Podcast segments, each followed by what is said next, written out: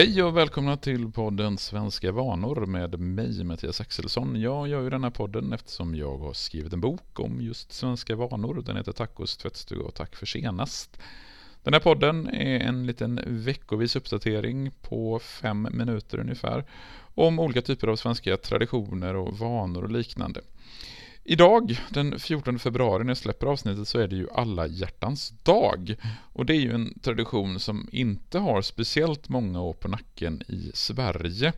Den har ju likt mycket annat på 1900-talet som till exempel Halloween och Mors dag och Fars dag kommit till Sverige från USA. Sitt ursprung har dock alla hjärtans dagsfirandet under senmedeltiden i England.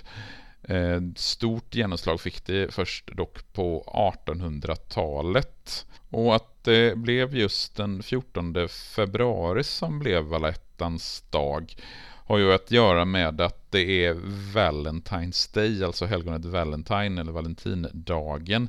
Nu har ju inte kanske helgonet Valentine, Valentin, någon särskild koppling till romans och kärlek, men däremot så skrev den engelske poeten Geoffrey Chaucer i slutet av 1300-talet en dikt som väl egentligen är det första tidigaste belägget för att koppla ihop St. Valentine's Day med olika typer av kärleksfirande.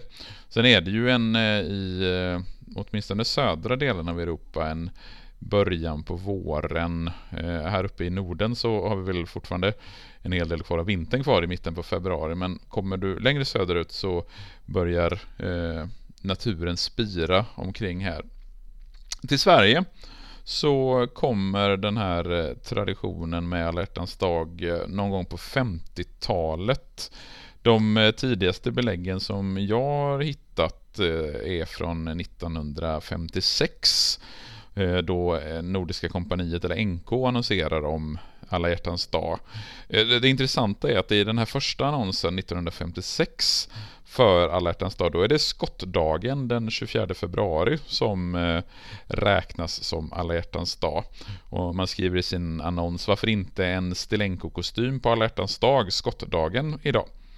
Och dels är det intressant att man lägger alla hjärtans dag på skottdagen och en annan intressant grej är just att det är 24 februari som räknas som skottdagen. För så var det ju i Sverige tills för alldeles nyligen då vi bytte till att den 29 februari istället blir skottdagen. Men eh, därefter, alltså under de kommande åren, så eh, ser man fler och fler annonser för alla hjärtans dag i eh, Eh, den 11 februari 1957 så kan man läsa i en annons eh, för NK igen då. För snart ett år sedan lanserade NK Alla hjärtans dag som ett apropå till skottdagen och den lustiga amerikanska valentintraditionen. Den namnsdag i februari då herrar och damer, pojkar och flickor uppvaktade varandra med små presenter i trevliga paket. Och sedan 1959 Eh, tre, fyra år därefter så skriver Svenska Dagbladet att Valentindagen, alla hjärtans dag, håller på att slå igenom. Från början var det NKs egen dag, men igår såg vi även att en butik vid Biblioteksgatan lagt beslag på den och danspalatset Lorry arrangerade valentinbal med anledning av alla hjärtans dag. Men eh, ordentligt genomslag i Sverige fick alla hjärtans dag faktiskt eh, först i slutet på 80 i början på 90-talet. Och första gången som alla hjärtans dag står med i en svensk kalender, det är 1985. Eh, och idag det är väl svårt att säga vilken av traditionerna, om det är alla dag eller halloween som är mest rotad i Sverige. Men eh, när Svensk Handel gjorde en undersökning för något år sedan så är alla dag den åttonde viktigaste helgen försäljningsmässigt efter bland annat då jul givetvis och mellandagsrea men även Black Friday är en viktigare dag än alla hjärtans dag. Men det är åtminstone den åttonde viktigaste dagen i Sverige. Och tittar man lite grann kort hur man firar alla hjärtans dag så de vanligaste sätten att eh, uppmärksamma alla hjärtans dag är att man köper en present till sin partner. Det är ungefär hälften de tillfrågade i en undersökning från Svensk Handel som uppger att man gör det. Gör det. Tredjedel ungefär lagar en extra fin middag hemma.